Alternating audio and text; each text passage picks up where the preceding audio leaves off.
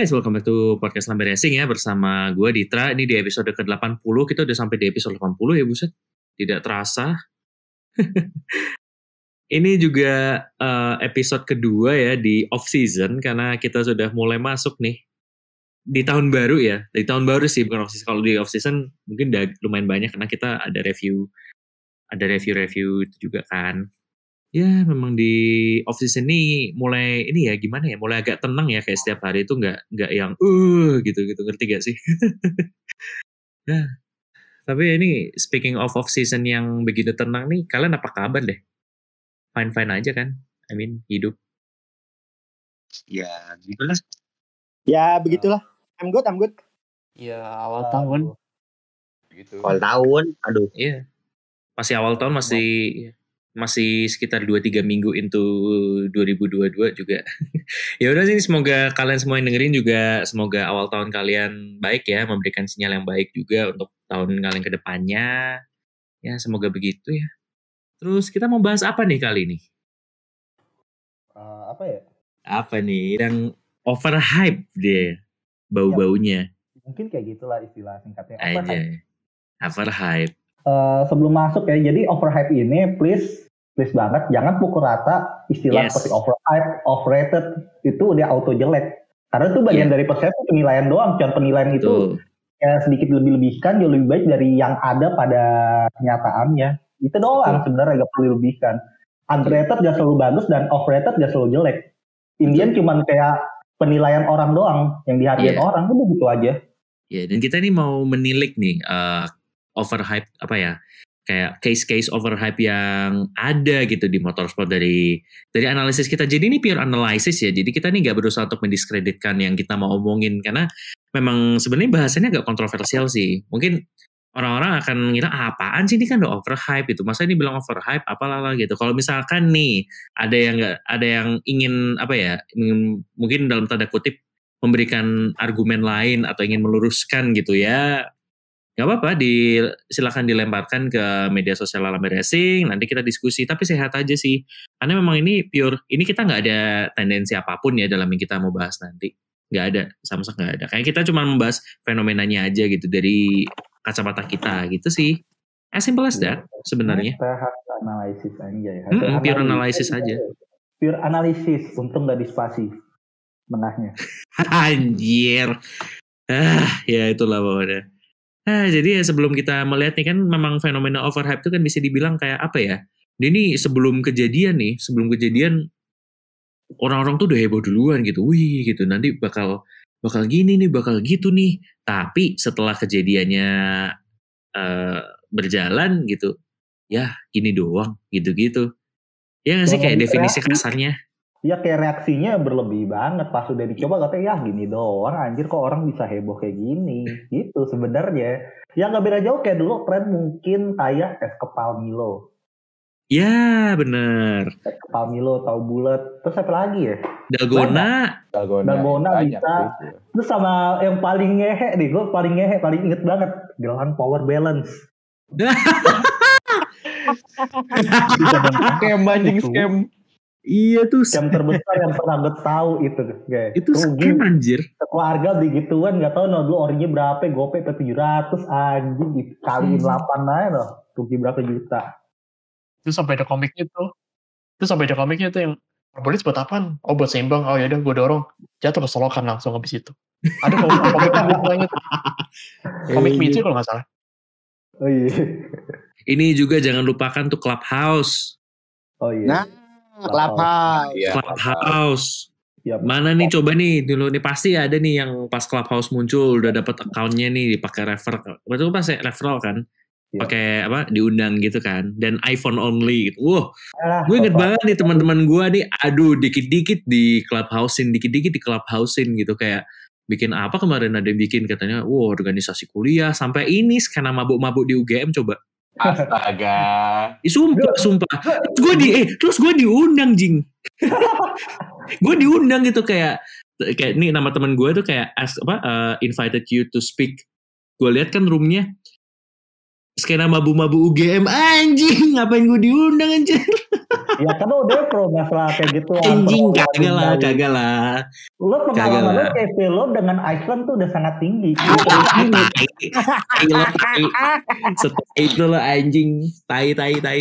Ah, Ahli anjing. fuck Iceland man, fuck Iceland man. Ahli. Sumpah fuck Iceland. gue gue Ya, inget ya kayak gituan Eh, jadi kayak gitu kan hype banget kan gue inget banget dulu temen gue cerita ke gue dia pernah nemuin nih kapal serumnya anak-anakan yang literally salah satu kayak circle paling dibenci lah gitu di angkatan gue Oh, langsung bubar apa?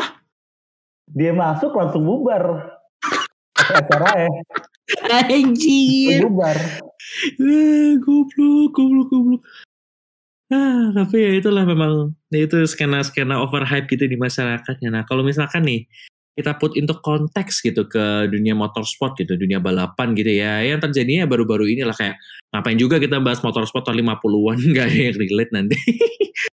Mungkin pembukanya paling enak nih kita bahas di seorang Valtteri Bottas di Ah, Mercedes. nice nice nice Ini pembuka Nice. banget nih karena lo inget banget nih tahun 2017 tuh 16 akhir deh tahun 2016 akhir ketika Nico Rosberg juara dunia tiba-tiba pensiun boom semua orang langsung nih wah siapa ini yang bakal bakal ngisi kursinya gitu? Kursi seorang world champion.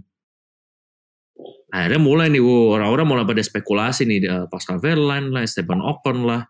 Nah akhirnya dipilihlah seorang Valtteri Bottas yang di yang di tahun-tahun era hybrid itu dia sebenarnya kalau gue bilang sih dari kacamata gue saat itu ya dia cukup promising loh. iya Maksudnya cukup promising gitu karena dia eh, cukup sering apa ya ngasepin seorang eh, veteran di Formula One Felipe Massa. Em, terus kemudian dia juga langganan podium juga agak langganan banget sih. Kenapa? Gak apa-apa kue gue jatuh Oh oke. Ya, oke. Regal Mary ya Sama mana tadi? sayang Regal Mary Iya. Sampai mana sih tadi? Oh, dia juga kayak lumayan apa ya, lumayan sering masuk podium lah. Terus misalkan banyak juga momen-momen menarik juga dan orang-orang tuh pada menggadangkan dia sebagai the next Iceman gitu, sebagai the next Kimi Raikkonen saat itu. Tahunnya dia masuk ke mobil yang notabene adalah apa ya, bisa dibilang sebagai mobil paling kencang lah saat itu. Mercedes kan. Kan orang-orang sudah pasti mikir gitu, bahwa dia mau membawa Williams mobil papan tengah gitu dia bisa bawa sering bawa podium gitu terus penampilannya juga oke gitu. Eh tapi ternyata setelah dia masuk ke Mercedes ya jadi wingman lah. Terus banyak banget unfor- unfortunate things-nya. Bahkan yang sempat kalau dipikir-pikir yang tahun 2020 sih itu anjing banget sih. Karena dia menang di balapan pertama kan. Memimpin tuh dia leading the leading apa? Memimpin klasmen tuh orang-orang udah pada mikir wah ini nih akhirnya. It's, ini adalah waktu bagi Valtteri Bottas to shine gitu. This is the time for Valtteri Bottas to shine gitu. Tapi ya ujung-ujungnya juga tetap aja. Hamilton lagi Hamilton lagi. Kalau menurut kalian gimana nih? Dan itu 20 atau 19 yang katanya it's Bottas time. 1920 1920 juga. Nah, 19 kan itu makanya 19 kan juga dia memulai Iya, seri benar, benar, dengan menang kan. ya 19 juga di Australia dia menang Nah, itu. iya iya iya Ya. Uh, 19 juga 20 juga nah menurut kalian gimana nih Ya udahlah intinya ya udahlah Kang PHP lah kalau dari kata gua. PHP kan udah jelas. Iya. Ini yang ngomong yang udah di PHP berkali-kali sampai tinggal nikah kayaknya pengalaman banget nih dari hati banget ngomongnya. Jangan bawa-bawa personal dong, eh. itu udah memori zaman kapan. Anjing. tetap semangat bang Terus semangat ada pengganti. Mewek gak cuma satu. Anjing ini ini di cut sih ini fix. Oke, gimana gimana Krit? Tetap semangat. Memek gak cuma satu. Bukan, bukan itu anjing. Bayangin udah dikat kayak dikat. Itu. Dia udah lagi abis itu. Anjing. Banget anjing. Tadi masuk tekstil ini, masuk ke tekstil ini. Kenapa ya? Aduh. Aduh. Aduh, dada gue sakit. Aduh. Anjing. Udah dikat gimana diulang lagi sih anjing. Aduh. Aduh. Lanjut lanjut Krit. Krit, lanjut Krit. Momen paling epic sih nih. Ya, Jadi gimana? Oke, Eh, sebenarnya gak beda jauh sama yang tadi nih. Valtteri Bottas mungkin pertama terlalu banyak cocok logi masalah kayak Rico Rosberg. He's from Finland walaupun dia orang Jerman, tapi Jermannya lahir bapaknya Finland, seorang Keke Rosberg dilanjutkan oleh seorang Finishman, Valtteri Bottas dengan dia punya ekspektasi yang lumayan bagus dan potensialnya ada ketika di Williams. Oke, dia pindah ke Mercedes awalnya agak susah tapi menang. Oke, musim pertama dia kalah. Lanjut musim kedua. Aduh, musim kedua malah kelihatannya jadi kayak mah lebih ke apa? Babu banget di musim kedua. Dan di musim Iya ketiga nih, benar. ini udah jadi kayak redemption bagi dia. Endingnya apa? Redemption teh kucing. Tuh 2 3 4 5 crash dia bagus 1 2. Setelah Monaco podium di situ dia drop. Iya. Udah. Terus 2019 dan terulang lagi di 2020. Gue inget banget di Austrian Grand Prix dia menang dengan Hmm. looks baru. More looks baru bener-bener kalau musim 2019 dia yang pakai kumis segala macam sampai middle finger depan foto di 2020 looks baru. Sama aja ujung-ujungnya dia second driver finish di posisi kedua klasemen dan jauh lebih mengecewakan dibandingkan musim-musim sebelumnya dan di musim 2021 puncak Aduh. decline-nya. Kayak gak guna banget 2021. jadi babu juga. Dia dan dia juga dikritik juga sama Nico Rosberg kalau si Bottas ini punya kelemahan nih kayak jauh banget sama Lewis Hamilton dia lemah di dua sisi di respect-nya kurang dan juga di wheel to wheel-nya juga enggak banget makanya kayak gampang banget dilewatin jadi babu gak, Iya. gak guna musim ini mungkin kalau misalkan Valtteri Bottas lebih baik dan lebih berguna menjadi babu Max Verstappen gak akan angkat piala Hmm, bisa dibilang gitu sih. hmm. Dan yang lebih parahnya lagi, sekarang reputasinya di Mercedes sebelum dia cabut ke Alfa Romeo, jadi Kang TikTok. dia cari pelampiasan lah Aduh, ya bukan maksudnya kayak, aduh gimana ya. Ya, you have better dignity lah gitu kayak. Masa dikenangnya cuma sebagai Kang TikToknya Mercedes. Ya udahlah terima aja. Zaman udah Iya. berganti Gen Z lebih demen TikTok walaupun kebanyakan cringe tapi kita harus menerima. Walaupun begitu kita juga mengakui kalau generasi Z sekarang ya sorry generasi cringe. Ya, ya, tapi majority is cringe. Ya, ya. Ya, tuh sponsor Aston Martin apa tuh? TikTok kan itu. Oh iya bener. what Wah ini kalau ngomongin Aston Martin sebenarnya bisa nih, tapi nanti nanti Nanti Ada saatnya ada saatnya. ada ada nanti masuk juga nih sebenarnya. Tapi memang ya, ya gimana ya? Ya bahkan gue ngeliatnya di Botas tuh ya gak tahu ya ini dari kacamata gue tahun 2016-17 ya dia tuh kayak eh, kalau diasah tuh bisa menjadi championship material gitu loh. Ya. Saat itu gue ngeliatnya ya. Hmm. Bukan sekarang, kalau sekarang mah agak anjir. Mediocre parah. Cuman ya kalau dulu ya, itu memang gitu. Ya karena memang penampilan di Williams sih bagus. Dia dapat mobil terbaik. Bisa challenging Hamilton dah gitu. Ah, tahunnya tidak. Ah, ya mungkin. kira bisa Gitulah ya. ngebrontak kayak Rosberg ujung-ujungnya sama aja Iya benar. malah mediocre Iya betul. Malah Terus- bener sih justru. Gue udah ngira-ngira itu bakal terjadi dan emang beneran. well, Waduh. ya.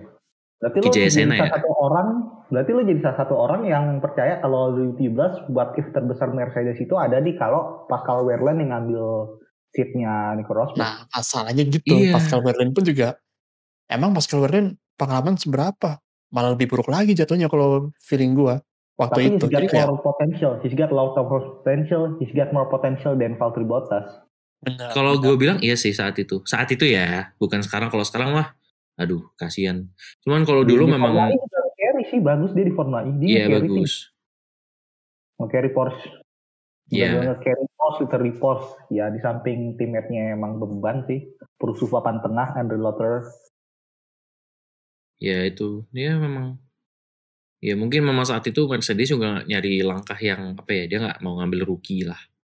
Iya. Dalam tanda kutip ya, kayak rookie yang mau baru rookie, setahun mau gitu. Kejadian Hamilton Alonso keulang dan dia mau gimana cara ini integrate banget as a team. Status first driver dan second driver. Iya, Dan jadi ya, hmm, ya begitulah.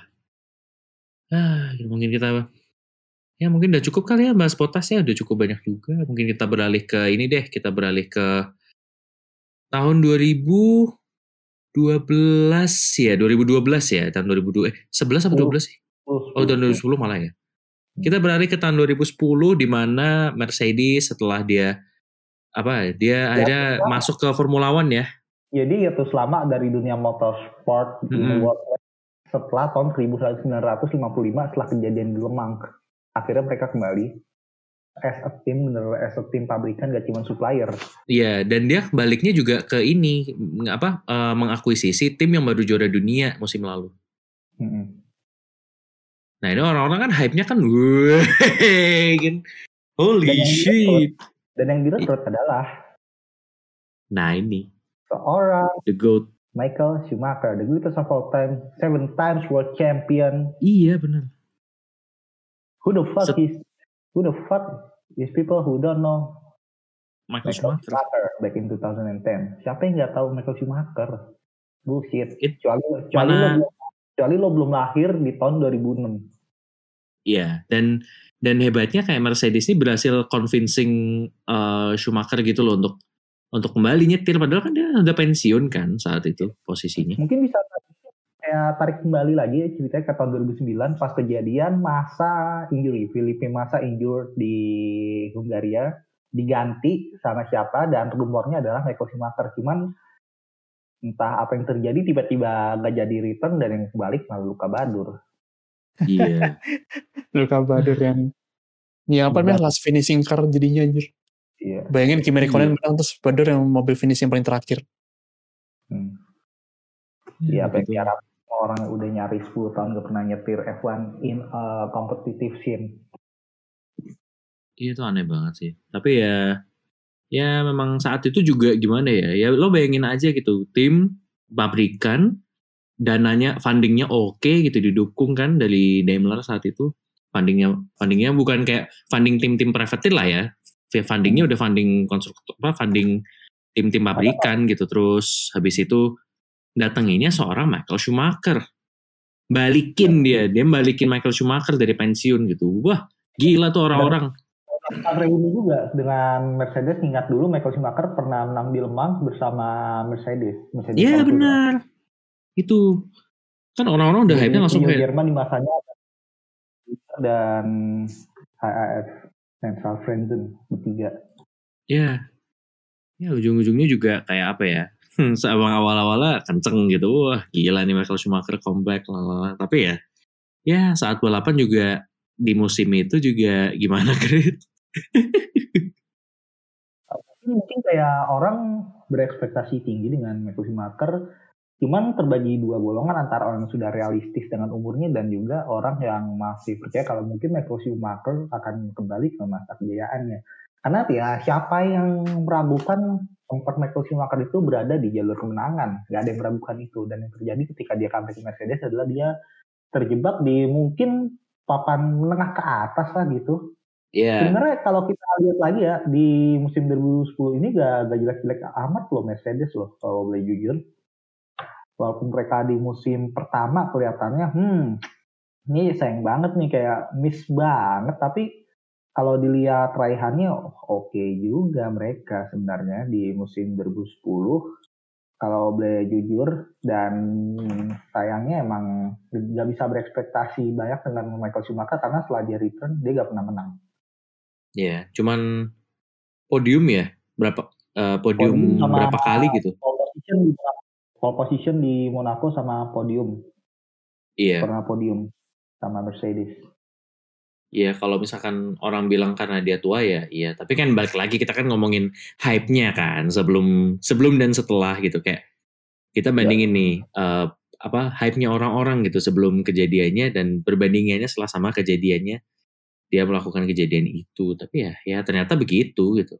Hype-nya gede gitu seorang Michael Schumacher Hmm. balik lagi ke F1 balik dari pensiun. Wah, ekspektasinya besar, tahu-tahu ya pas balapan ya ya udah. Ya gitu-gitu Iya. aja. dan bahkan kalau bisa dilihat tuh kayak musim terburuknya Michael Schumacher itu di tiga tahun setelah dia return dia biasanya mentok-mentok sejelek-jeleknya cuma mentok di posisi ke lima klasemen kalau yang di luar itu ya di luar disqualified sebelum dia pensiun.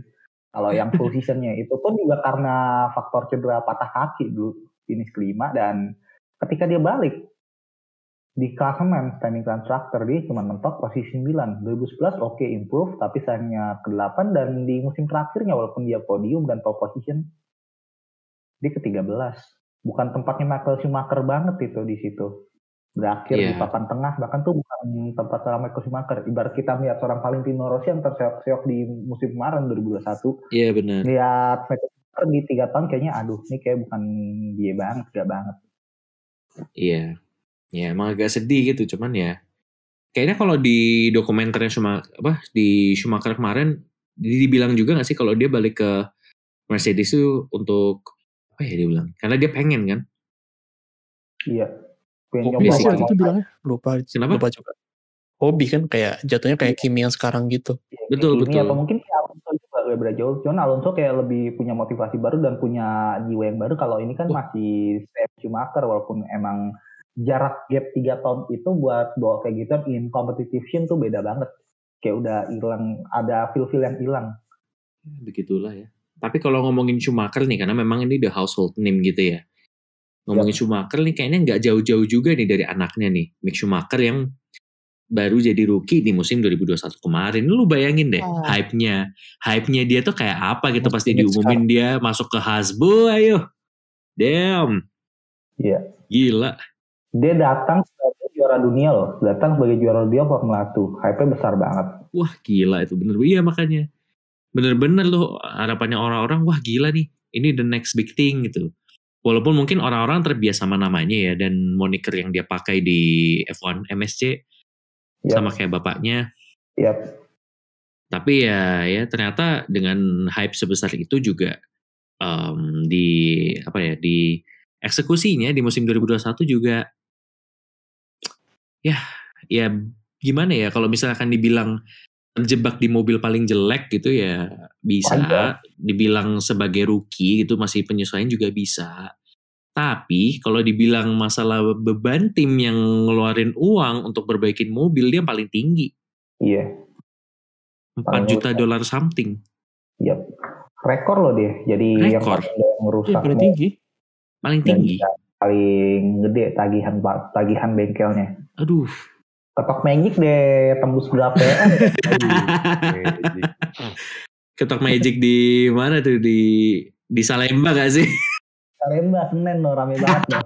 Lupa biasanya manggil manggil angin tangan orangnya di bawah jembatan nyeberangan. Iya. Terus kalau dia Itu- mobilnya dibawa masuk ke belakang. Sebenarnya di sono. Iya itu orang-orang yang habis nabrakin mobilnya pas dugem gitu kan nggak mau pulang mobilnya lecet gitu diomelin dimasukin ke situ dulu kalau nggak bapak-bapak yang tabrakan gitu kalau lagi macet-macet sore terus iya iya Anjir. tapi ya gimana ya memang ya kalau misalkan dibilang overhype sih bisa gitu karena memang hype-nya ini gede banget di tahun 2020 akhir benar-benar besar. Bahkan saat itu kan ada gerakan We Say No to Maspin juga kan. Ya. Sudah, orang-orang udah kayak wah sudah benar-benar mungkin dibilang biasnya fanbase itu udah mungkin 90-10 kali ya, 90 ke mic di untuk apa namanya Oh, untuk line up-nya lebih. saat itu. Lebih kayaknya ya. Bila 99 itu. 991 kayaknya. itu Iya. 982. Orang-orang ini sudah wah ini Mick Schumacher 98 akan mengasapi Mazepin nih, benar-benar akan menghancurkan Mazepin di tahun 2021. Udah kayak gitu-gitu. Ditambah household name yang dia bawa, ditambah eh, dia anaknya seorang GOAT. Ya, ternyata ya tahun 2021-nya ya ya memang sebelum Iya. kalau bisa dibilang beberapa kali dia ngasepin Mazepin gitu. Tapi ya sebenarnya ya problemnya kompleks kalau kita ngebandingin dia karena situasi lingkungan yang beda kan susah banget loh kalau buat kita bandingin kedua gak apple to Benar. apple juga sih iya dengan benar. fasilitas Benar. tapi kalau lihat dari result oke dia ngalahin tapi as a Mick Schumacher hype terlalu besar kayaknya Iya. dan ya ini kejadian yang sama kalau misalkan lo membawa nama keluarga besar dari sosok yang besar ke dunia motorsport untuk melanjutkan dinasti dan sebelumnya udah terjadi ketika Bruno Senna itu udah terjadi dan Nah, orang ngikutin endingnya malah kayaknya so ujung-ujungnya jadi pembalap papan tengah or maybe even worse mediocre dan mungkin cerita yang sukses contoh yang paling recent di Sport dan mungkin yang paling epic Damon Hill iya. Iya benar. Jujur Iya, itu Damon benar. Hill tuh yang paling epic dari keluarga kaya terus noting karena permasalahan finansial terus asuransi yang gak rembes-rembes terus ribut itu hukum segala macam sampai miskin literally miskin masuk racing scene telat itu pun juga dibantu dengan bantuan ordal yang membantu. Endingnya Mordal. he did it. He did it. Ya bener ordal. Saya di di junior F3000 kalau nggak salah dia pas itu pernah situasi di antara tim kala itu di antara si Damon Hill ini apa satu orang. Satu orang ini skillnya lebih oke funding duitnya lebih oke lebih bukan lebih oke sama tapi cairnya lebih cepet. Yang jadi masalah adalah nama Hill ini mempengaruhi and he Hmm. make it jadi world champion di 96 even dia yang bisa ngebawa Williams-nya 94 yang bisa membuat seorang mendiang Arton Senna kayak gitu tersiksa dan akhirnya meninggal literally itu kayak peti mati berjalan katanya itu Anjir. literally berjalan dikatain gitu Williams pas 94 FW berapa gue lupa dia make dia make it di musim 96 bisa world champion dan di 97 dia nge-carry Eros loh terus mungkin salah satu contoh yang berhasil membawa nama dinas- dinasti di Formula One dan Mick Schumacher mungkin ada potensi tapi kalau disebut overhype wajar karena nama seorang Mick Iya. Mick Schumacher yang Michael Iya. Schumacher dan kita nggak bisa kalau bilang dia jelek nggak bisa langsung dia nggak jelek banget kayak Ini kita ngomongin hype-nya kan. Kita ngomongin hype-nya. Dan kita nggak bisa ngomong ah ini jelek banget ya Betul. gitu. Betul. dia di Haas Haas yang diterima mobil sampah dia Haas ini Iya. selalu bekas- bekasan Ferrari dan Ferrari 2020 ini sampah banget berarti dia dapat sampahnya sampah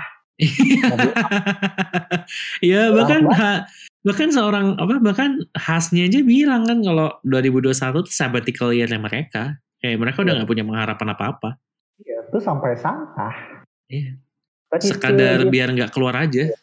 He did something good bisa tembus Q2 juga loh oke loh sebenarnya Iya, iya.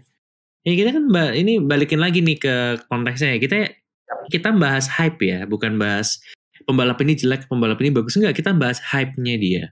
oke Dan memang Iya, ya betul. faktanya saja kalau memang Mick Schumacher ini overhype di saat itu. Gue gak tahu sih sekarang masih overhype atau enggak. Mungkin udah biasa aja kali ya. Kayak Hmm. orang-orang juga sudah mulai melihat sendiri. Oh, oh. Gue sebenarnya sebenarnya kalau dipikir-pikir nih calon calon overhype nih khas tahun 2000, 2022. Calon nih. Enggak bau-baunya. kalau gue bilang Orang-orang udah pada Malah kayak gue- gadang-gadang gitu kayak, wah ini khas 2022 Gadang-gadangnya World Champion. Nyadi sih. Kalau gue bilang malah hype-nya 2022 calon-calonnya kayak lebih ke Mercedes kalau misalkan mereka didn't make it. Hmm, Kalau misalkan mereka make it. Tapi kalau misalkan mereka masih berhasil dengan melanjutin kayak mereka fight back balas dendam di musim 2022 ya why not. Kayaknya masih ada potensi ada something tersembunyi di balik George Russell yang dinaikin dan teammate-nya. nah ya, iya. Di betul. Violi udah udah valid ya, itu bukan tim Jerman lagi itu deh tim Inggris tuh deh valid sorry. Deh valid sejak mereka Eastern nepelin stiker It's Coming Home deh itu deh valid sebenarnya. Iya, iya. Iya, maksudnya dari fakta mereka naruh stiker It's Coming Home di mobil apa di truknya Ferrari juga sudah menunjukkan gitu loh kalau dia tuh ya Tim Inggris. tim Inggris anjir. Jadi ngomongin yang Inggris-Inggris mungkin kita kayaknya enak banget deh kalau bahas McLaren ya. Apalagi di awal di awal 2021 kemarin juga Daniel Ricciardo nih seorang pembalap yang dalam tanda kutip veteran gitu ya walaupun belum pernah juara dunia. Nanti is a good driver. Dan driver. Ya akhirnya dia memutuskan untuk pindah kapal dari Ren- Renault ke McLaren gitu. Mana saat itu juga eh, penampilannya McLaren ini impresif gitu, dibilang cukup impresif gitu dengan eh, Carlos Sainz dan Lando Norris yang apa ya, ya cukup bagus lah menunjukkan progres gitu. Dan ditambah tahun 2021 mereka menggunakan mesin Mercedes. Iya. Ditambah ini seorang pembalap seorang pembalap apa ya? Pembalap yang sudah berpengalaman lah intinya race winner, sering masuk podium gitu, gitu kan. Bahkan dia masuk podium dua kali sama se- sebuah tim Renault gitu kan. Kayak ya orang-orang akan menganggap dia kayak pembalap yang no apa ya? no play play lah ya. Ini masuk ke McLaren ditambah fakta McLaren pakai Mercedes. Orang dia ditambah lagi fakta bahwa teammate-nya itu Lando Norris pembalap yang apa ya? Most Pembalap popular. muda. Iya, Most iya. popular Iya, kebanggaan fanbase. iya benar-benar.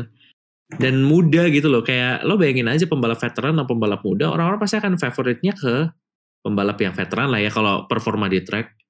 Iya. Ternyata ya lo tau sendiri lah tahun 2021 dia jadi beban tim anjir. Oke. Beban bener-bener beban. Gue gua gua anggap dia beban anjir. Maksudnya bisa dibilang Daniel Ricciardo tuh penyebab McLaren tidak dapat P3 konstruktor musim Setuju, kemarin. Gue setuju banget walaupun mereka struggle dan Leclerc yang bolak-balik struggling di NF segala macem. Iya. Endingnya malah gitu, malah berarti di overhype. Orang hype gede banget nama Iya. Ricciardo dan tiga McLaren yang reuni dengan Mercedes. Iya.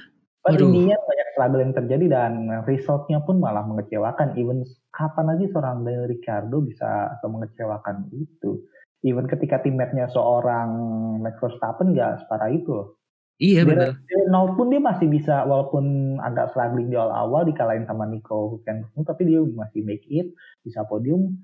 Nah di di McLaren satu-satunya podium adalah ketika banyak kejadian aneh di depan dan dia menang posisi one two dengan skenario Lando Norris yang attack win it as a team send it for the finish one two untuk McLaren. Iya. Even Lando Norris itu juga- menangkan, nggak bisa ka- menyelamatkan reputasi dia yang udah hancur di musim ini kemenangan dia di Monza.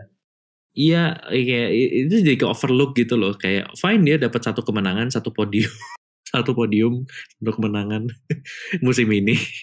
Fine lah, tapi kayak itu uh, akan di overlook dengan performa dia as a whole gitu musim kemarin Iya. sih. Cuman Itu kayak jari loh dia dia musim ini cuman hitungan jari benar-benar literally hitungan jari dia bisa ngalahin Lando Norris di posisi finishnya.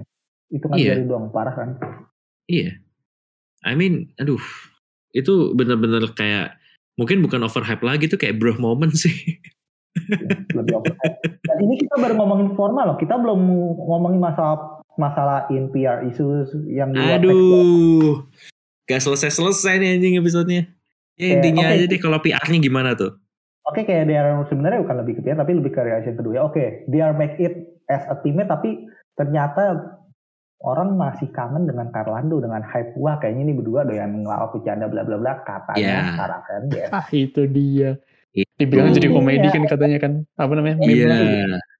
Ya malah jadi overhype banget dan realitanya malah nggak sesuai dengan ekspektasi orang banyak. Dan yang lebih mengecewakan lagi ternyata di balik layar walaupun kayak gitu mereka udah mencoba bonding tapi kurang masuk banget.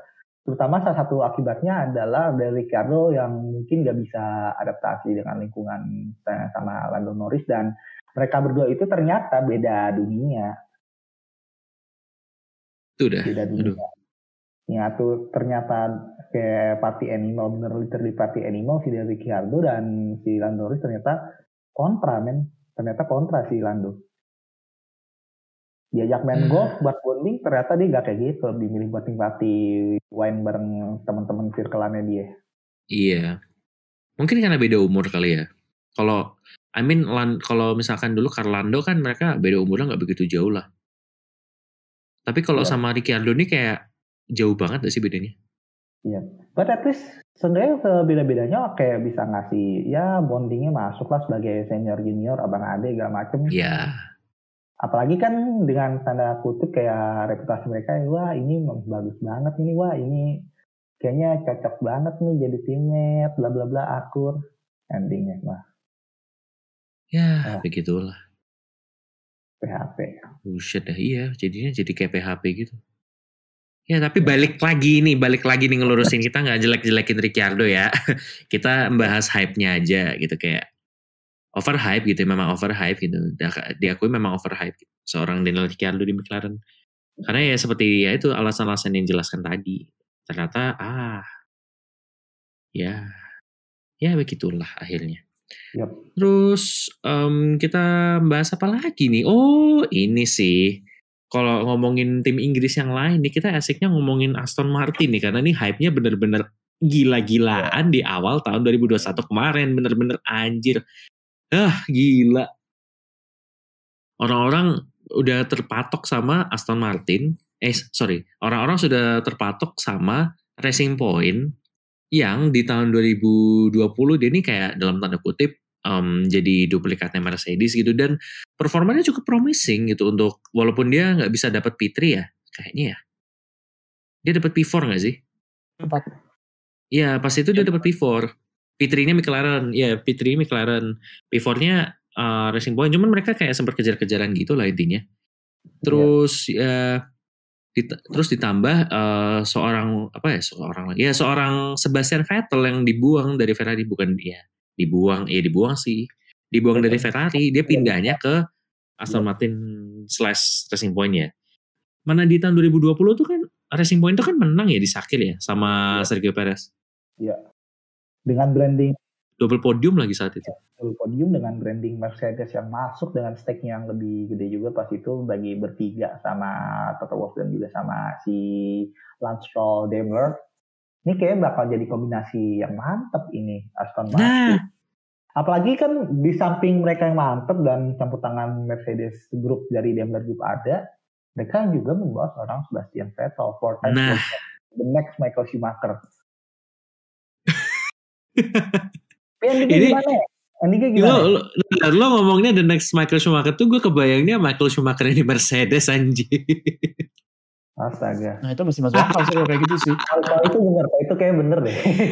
gue langsung kebayangnya ke situ jing aduh bukan yang di Ferrari era tapi ya gimana ya Dengan hati gede, liverynya bagus, orang nunggu banget. Tapi yes nih gue jujur ya, alasan kenapa orang hype banget dengan Aston Martin nih musim kemarin. Bukan karena Aston Martinnya, karena Sebastian Vettelnya. bisa setuju sih gue setuju sih I mean Gila, ditambah Fanbase-nya konteks Ormas anjir. Fanbase-nya kayak Iya. Ormas. Apalagi di Twitter kan ada akun fan gitu, wah gila. Fan Vettel tuh deh kayak fan Korea, jujur aja.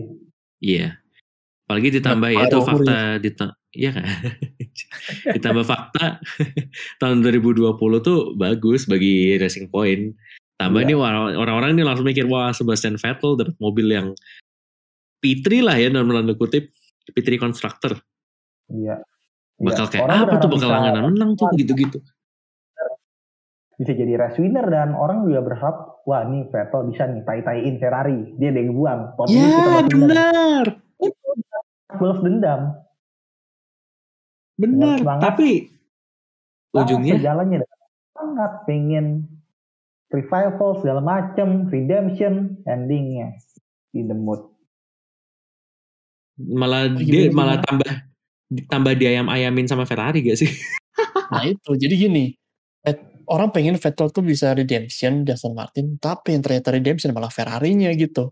iya Like, Oh gitu loh. iya yang soalnya malah Bosial tuh bukan gara-gara Ferrari-nya yang ngitin Vettel kayak ngebuang Vettel kena ajab kagak ya emang itu masalahnya kayak dia tiba-tiba kenapa tiap dia masuk setelah dia cabut dari Red Bull dia kayak jadi tim masuk ada yang masalah kayak susah menang walaupun menang tapi mereka nggak dapet yang orang-orang ekspektasi gitu.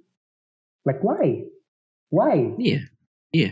Why? Mau dibilang unlucky pun juga kagak masih banyak momen-momen yang agak bego juga. Iya kan? Mm-mm. Ah, malah jadi kayak malah jadi kayak switch place dia dapat podium dua kali musim ini walaupun yang satunya haram terus arus mohon maaf ya arus arus beneran literally lurus itu aturannya jadi yang Iya. dihitung satu doang itu pun juga karena skenario red flag tapi lihat deh di tabel klasemen posisi berapa ya? Apakah seorang Sebastian Vettel finish di posisi 12 klasemen adalah hal yang wajar bro bahkan gak masuk 10 besar loh iya nggak masuk 10 besar Wow. And Wajar sih, remember- Grit. Wajar, wajar. Musim kemarin, musim kemarin yang dikatakan Alonso bahwa Alonso dia malah mendapatkan apa yang dia deserve untuk jadi di Formula One di musim ini, sedangkan Vettel in the mood. Naik satu posisi dibanding musim kemarin, iya, tapi berbanding terba kalau dibandingkan dengan ekspektasi yang besar diberikan orang, rasanya nggak banget loh. Finish di posisi poin cuma 1, 2, 3, 4, 5, 6, 7. 7 kali doang deh di posisi poin kalau eh, dia termasuk diskualifikasi di Hungaroring loh. Iya. Ya tapi gimana ya? Ya kalau dibandingin dibalikin lagi ke hype-nya memang Gede banget. wah gila sih. Se-hype itu bener-bener gue inget banget tuh dulu pas pas dia masih botak tuh rambutnya, pas dia lagi seat fitting kalau nggak salah ya. Iya. Wah, rame. Dia Eh, rambutnya ada sampai sampai numbuh lagi, ternyata gitu-gitu aja. Iya. Itu bahkan gara-gara dia ini agak out of topic sih, tapi gara-gara dia gundul tuh kita jadi bikin episode yang rambut kan. Ingat nggak lo? Iya. Iya emang. Gara-gara gara-gara dia gundul, gara-gara dia gundul kita jadi bikin episode rambut. Iya baru Keren season loh. juga ya. Keren Ah. loh itu. Iya, pas off season juga. Keren loh kita bahas Hmm. rambut anjir. Jarang-jarang tuh podcast lain bahas rambutnya pembalap kan. ini coba didengerin aja ya di episode berapa gue lupa. Cari aja yang rambut Iya. pokoknya. Udah setahun Hmm. lalu lah pokoknya. Iya betul. Endingnya nih Hmm. overhype of the year ya, over- overhype of the year. Wah ini gila nih overhype. Mau dibilang overhype of the decade tahun 2020-ish gitu. Gak tahu sih masih ada 8 tahun lagi sebelum ganti ke 2030. Jadi nggak cuman di recent years doang yang overhype overhype nih kita mungkin bahas di recent years atau mungkin mentok-mentok di Michael Schumacher tuh kan mungkin 11-12 tahun yang lalu zaman-zaman gue SD karena kita kembali ke masa-masa mungkin nih bisa dibilang kayak gue belum di angan-angan gue masih di biji bokap gue pas itu. Di 90-an awal ketika itu manajernya si Jacques Villeneuve dia kerja sama sama British American Tobacco buyout Tyrrell dan Tyrrell-nya menjadi British American Racing. Salah satu project paling ambisius mungkin di eranya. Mereka merekrut gak main-main loh gak langsung gak main-main. Langsung juara dunia. 97 penerus generasi Villeneuve dari Jules Villeneuve jadi Jacques Villeneuve. Dia berhasil juara dunia dan jadi top of kayak udah top of the world banget pas itu. Dia pindah dengan segala hype yang besar. Gak cuma Jacques Villeneuve yang kena dan ini bar loh British American Racing 30 pound sterling dikeluarkan untuk beli Tyrrell dan mereka pengembangannya segala macam kontrak udah ada langsung disikat sama Jacques Villeneuve. Jacques Villeneuve bersama Ricardo Zonta yang sebenarnya lumayan oke juga di saat itu. Launching besar-besaran gak beda jauh dengan liverynya yang nyentrik Aston Martin dengan hijaunya dan ini British American Racing dengan livery dua brand berbeda dari Lucky Section juga gue gimana nyebutnya gue gak tau State Express 555 or whatever nyebutnya tapi akhirnya jadi liverynya livery sampah gitu yang pakai reflecting Sampah anjir. Iya, Iya. sampah Bahkan kayak susah banget di musim pertama mereka dapat poin selalu mentok di DNF. Retire-nya banyak banget.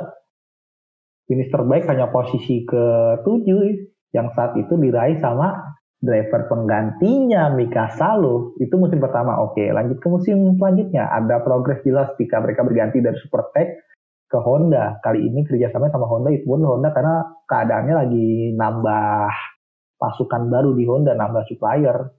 Oke, good. Tapi mentok-mentok posisi 4. Di musim ketiganya mereka merekrut Olivier Panis. But Olivier Panis is not the same Panis yang tahun 96 bersama Ligier. Oke, dapat podium dua kali dia di musim tersebut, tapi is not good enough. Ya akhirnya ya udah mentok gitu aja. Bahkan musim terbaiknya mereka ketika situasinya setengahnya udah dipegang sama Honda loh. Finish kedua konstruktor pelanggaran podium tapi ditai-taiin sama Ferrari masih dan musim terakhir bersama Honda dibeli nyicil sama Honda ya udah mereka malah diklaim and ya begitulah endingnya menjadi salah satu miss opportunity banget yang sangat disayangkan dengan hype yang besar. Resource yang besar ternyata resource dari sponsor yang besar gak menjamin prestasi juga. Ujung-ujungnya cuma podium contender doang. Iya, Apalagi- kan itu ujung balik lagi kan ke manajemen resource-nya kayak gimana. Ya, walaupun udah ngedatengin orang pro drive juga kalau gak salah pas itu buat jalanin bar, tapi ternyata mentok gitu aja ya. Ternyata gitu Iya. aja. Iya. Dan Jack Villeneuve juga terkena reputasinya kena malah nunjukin the true color of Jack Villeneuve. Ternyata dia selama ini overrated dia. Mentang-mentang Betul sekali. menang di cup, menang di cup, CRT membawa nama besar Jack Villeneuve, anak dari Jules Villeneuve, salah satu miss opportunity terbesar di F1 kali itu. Yang juara dunia yang sayangnya berpulang lebih dulu. Endingnya ya udah. Oke, dia berhasil bawa juara dunia, tapi pas itu ya sama Williams. Dan ketika dia pindah ke tim yang non-championship, dia walaupun mungkin oke formanya bisa carry, tapi nggak literally carry juga. Ya gitu-gitu aja. Oke, but not as good as what people expected before. Ya kan semenjak dari BAR juga kan Jacques Villeneuve juga kalau bisa dibilang ya angin-anginan lah. Dia di Iya. sempat di Sauber, kemudian sempat di Renault bahkan 2004 Tumpang nge- ngegantiin Jarno Trulli yang gimana ya? Lekan. Ya gitu ya lah Jarno Trulli. Eh, padahal sebelumnya menang di Monaco, eh mau akhir musim malah cabut. Cabut apa ditendang? gara-gara. Dia selekan sama Briatore gara-gara masalah preferensi ke Alonso. Nah iya itu. Kayak Vinales yang kemarin lah, mirip. Iya, kayak Vinales. Mirip. Dan kebetulan kalau ini sama sih dan kasusnya malah lebih parah soalnya Jarno Trulli pun walaupun kayak gitu dia masih kayak nyimpen rasa kesel sampai sekarang. Ya kemudian ya di Renault sebentar balik lagi ke Sauber, Sauber. Sauber dan kemudian apa namanya da, Sauber Sakit banget. dibeli oleh Mario Thyssen eh, dari BMW kan. Iya. King of BMW apa kita tidak tidak cukup hanya ngomongin Sauber kan. Pasti kita ngomongin juga soal satu tim yang yang sempat ancur-ancuran di akhir 90-an tapi menyimpan secercah harapan ketika BMW masuk yaitu Williams. Hmm. Sebenarnya gak literally ancur-ancuran sih lebih kayak sejak Renault full supportnya cabut. Di situ diklaim banget. Ya Gak betul betul Soalnya betul. kalau kan masih menang loh dua kali 96 97 dia masih menang World Champion. Iya, jelas. Wah. And speaking of BMW mereka ketika masuk tuh ambisius banget.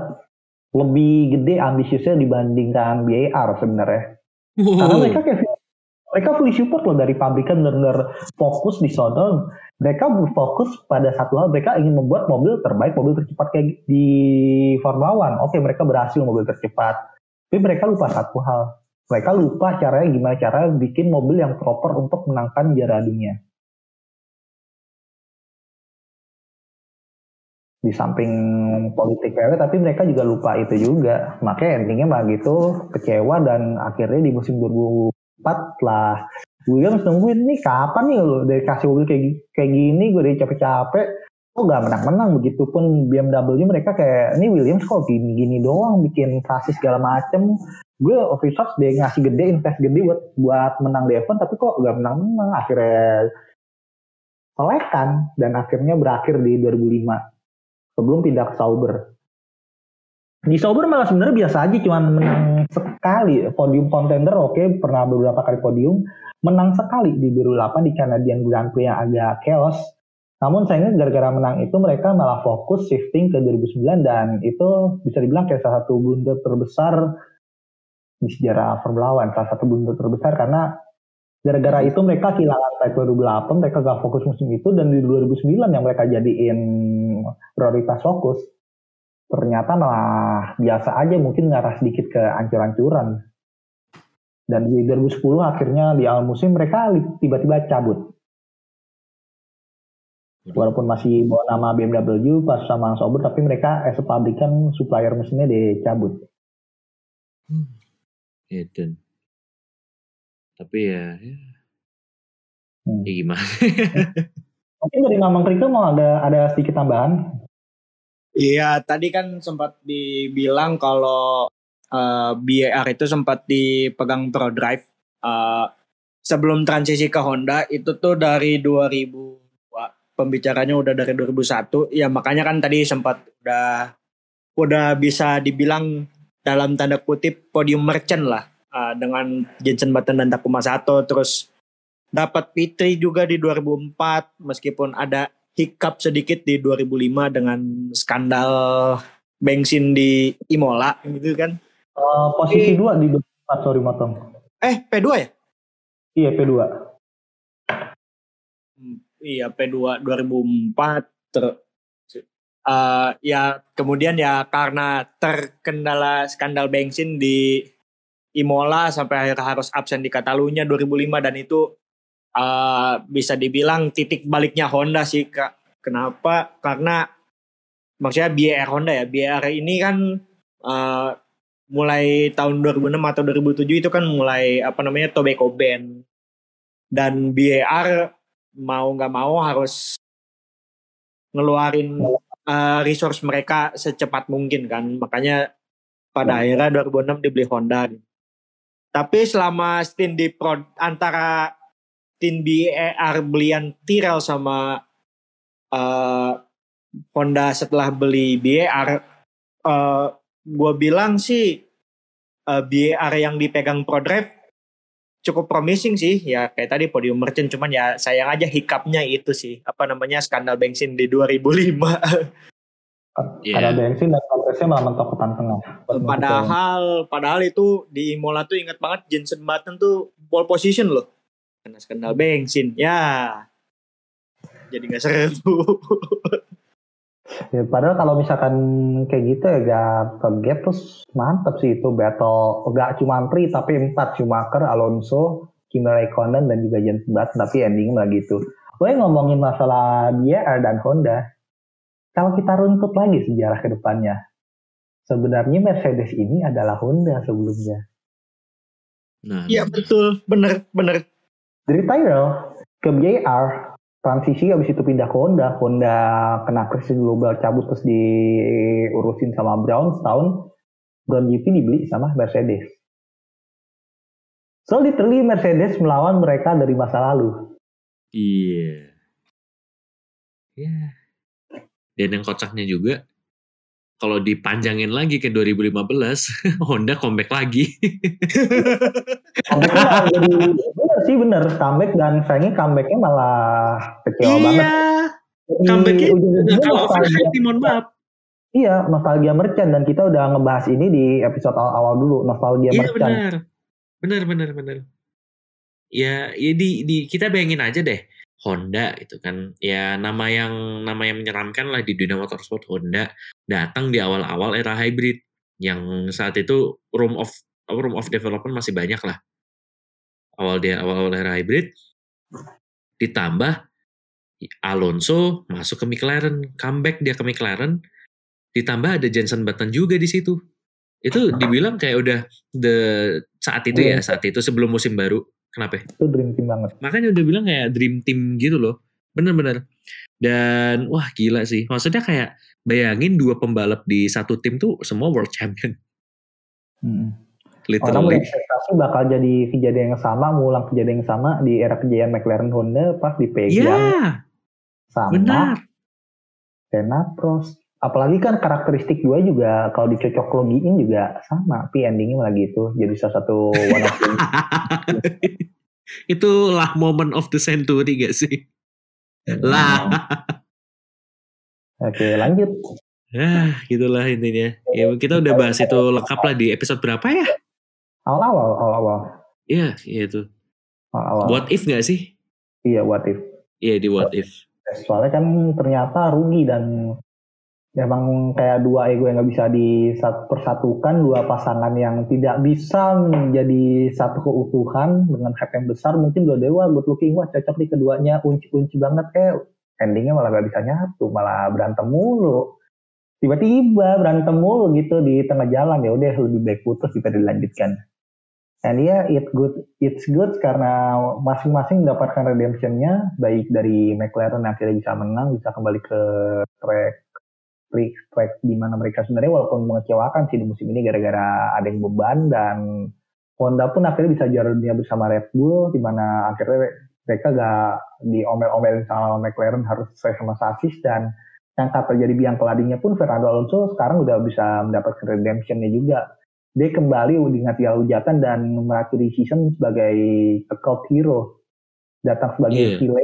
dan dia menyelesaikan musim sebagai cult hero dia mendapatkan reputasinya kembali dia mendapatkan apa yang dia deserve untuk dapatkan selama ini Iya. Mantap sih. Terus setelah itu ada apa lagi ya? Yang overhype. Mungkin di dunia MotoGP nih. Nah ini Bang Farija nih mungkin.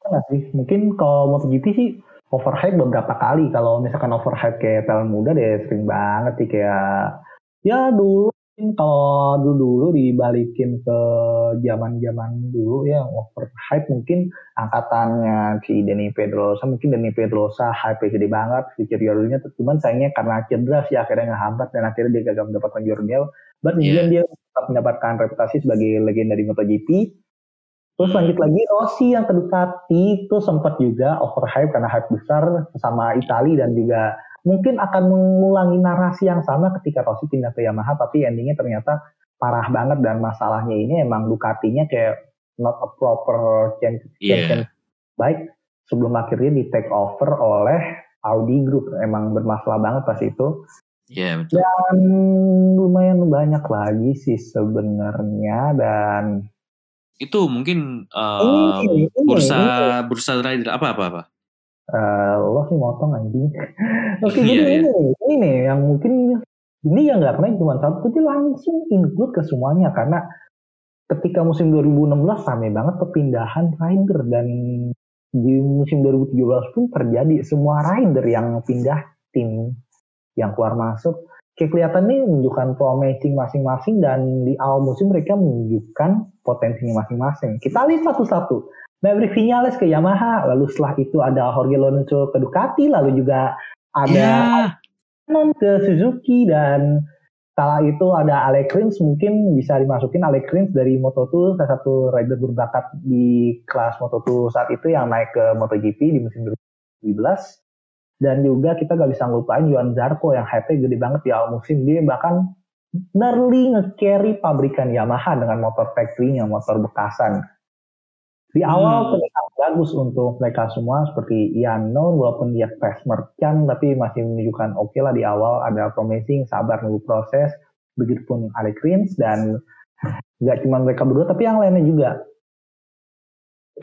Ian Zarco dia carry pabrikan bagus itu yang bersama Tefri nyaris menang bahkan di balapan pertama kalau di crash di Qatar pas itu lalu juga ada Maverick Vinales tuh hype gede banget Waduh. Iya tuh. Rival selanjutnya bagi Marc Marquez. Dan Yamaha pun juga menyokong dia sebagai a proper replacement bagi Valentino Rossi. Jadi Rossi Iya. nggak perlu, uh, pusing-pusing kalau misalkan dia pusing. Karena in uh, term of kompetitif Yamaha udah dapat penggantinya seorang Maverick Vinales. Hmm. sayangnya cuma berkata lain. Maverick Vinales bagus di awal cuman emang F1 kala itu bermasalah dengan grip ban belakang. Emang aneh bannya cepat aus dan juga ternyata Maverick Vinales gak seperti yang orang ekspektasikan di awal yang menang Iya. kelihatan tapi endingnya malah mengecewakan dan semuanya berujung pada kejadian drama gaspol di Austria Wah, iya tuh. Aduh, kita lah semua momen. itu lah momen MotoGP.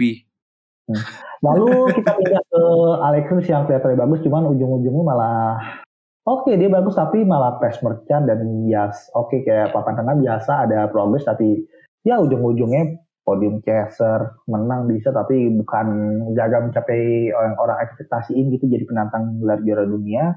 Hmm. Lalu Andrea Yanon, sayang sekali dia ujung-ujungnya crash merchant, nggak bisa nge-carry, literally benar-benar carry Suzuki, malah mengecewakan dan membawa drama, something drama baru di internal mereka gara-gara urusan nggak bisa, nggak bener-bener nyatu banget sama tim, dan ya masalah cewek lagi dia.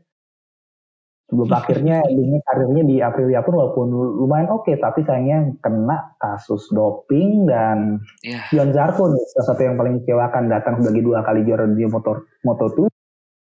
Nah, di dan endingnya sekarang dia jadi rider papan tengah endingnya. Sejauh-jauhnya Ya, dia redemption sih. ini Di oke lah. Iya. Jatuhnya. Ya oke, tapi ujung-ujungnya podium sama papan tengah kalau dia crash. Awal season oke, tapi sekarang di akhir-akhir season malah kayak mentok di papan tengah. Sayang. Hmm. terlalu banyak miss opportunity yang ada di 2017 bahkan mungkin kalau kita lihat itu mungkin puncak terjadi di pertengahan 2016 ya dan jangan lupa kalau di 2016 itu kita mempunyai salah satu overhead terbesar juga kala itu yaitu MotoGP kembali ke Indonesia dengan sentul yang udah dipropos habis itu gak tahu kejelasannya gimana Aduh. lalu Aduh. Sebelum Mandalika muncul ada Jakabaring cuman Jakabaring gagal karena ya masalah politik. Si dinastinya Alex Nurdin gagal menang lagi. Efeknya gak cuman ke proyek Jakabaring tapi juga Sriwijaya FC malah degradasi gara-gara tiga turun. Ya ujung-ujungnya politik. Tapi emang jujur MotoGP 2016 rasanya tuh hype gede banget. Walaupun sayangnya untuk Masih di overhype ya. Kan Certified overhype. nggak nggak nggak masuk certified overhype hype sangat besar namun sayangnya malah banyak ngecewain walaupun ujung-ujungnya ya masih ada yang make it gak ngecewain banget banyak yang make it banyak yang terjadi karena ya itu MotoGP banyak hal random yang terjadi juga Iya. walaupun gak sering walaupun gak sering Formula E loh ini hitungannya nanti Formula E Jakarta besok nih overhype gak ya? Bisa Hmm, nunggu terjadi dulu. Iya. Ini udah overhype loh. Overhype Iya, iya. Tapi overhype bukan in term of motorsport, in term of politik. Iya, bener. Udah maksudnya udah ranah politik kayak aduh, digoreng sama semua orang anjir. Semua orang ingin kayak gini kayak gue gue lihat kayak semua orang tuh ingin ikut campur gitu loh. Kayak semua Iya. orang tuh kayak tiba-tiba punya pandangan gitu terhadap Formula E. Walaupun mungkin dia hanya sebatas politisi gitu ya. Mungkin nonton motorsport aja mungkin cuma nonton MotoGP, itu pun cuma dukung Valentino Rossi, doang. Ya, cuma tahu dia Valentino Rossi, Michael Schumacher gitu-gitu aja. Iya. Tapi ini kayak tiba-tiba mereka kayak have a say gitu untuk Iya. FA gitu. Just for the ya just for the vibes gitu aja. Cuma untuk untuk apa ya mejeng lah intinya. Cuma buat mejeng di media. Yang penting dia punya opini nih tentang FA gitu. Terus gak Hmm. tahu deh opininya mau mau dukung kek, mau nggak dukung kek. Wes pokoknya saya penting ngomong sih lah intinya. Iya. Yang penting fuck you, fuck you untuk lo semua buzzer. Iya. Aduh, ini gak ada Mas Geledek ya. Sayang banget nih kalau bahas-bahas ginian. Kayaknya serunya sama Mas Geledek Iya. Pas lagi bahas Mas Geledek banget nih hilang. Iya, tapi sayang kayak dia lagi sibuk di luar sana mencari partner barunya di kehidupan nyata. Ah, beda admin, beda admin. Hmm, udah kan gitu dia. Udah, udah berhasil belum? Belum, belum ya? Sulit, sulit, sulit. Si berjuang Sulit, sulit. kok. ya kehidupannya emang ternyata penuh dengan cerita Iya. yang menarik ya ternyata soal bapak-bapak Iya. ini. Ya, begitulah. Ah, tapi apa sih yang bisa diharapin dari om-om umur 30-an? Ya, begitulah. Lu kok kita malah jadi kayak admin review? Tanggal 30-an. Dia, dia, dia harusnya kalau dia udah balik ke kediamannya dia nih pagi-pagi dia bukan itu lagi dia pagi-pagi pakai sarung pakai kutang kayak peci, emang iya, dia, emang, dia kan memang udah kayak gitu gak sih? I mean, dia sering ngirim fotonya Dia dirinya gitu. di grup Lambe aja udah cuman singletan doang anjing. Aduh, aduh. Ah, mungkin udah kali ya kayak ini coba nih kalau kita lanjutin bisa 12 jam sendiri kita ngomong di overhype ya. Mungkin sekarang ya itulah yang kita ambil ya dari apa ya skena overhype dari motorsport dari kacamata kita balik lagi nih kita kasih tau lagi ini pohon ya di di celananya eh, secara terbuka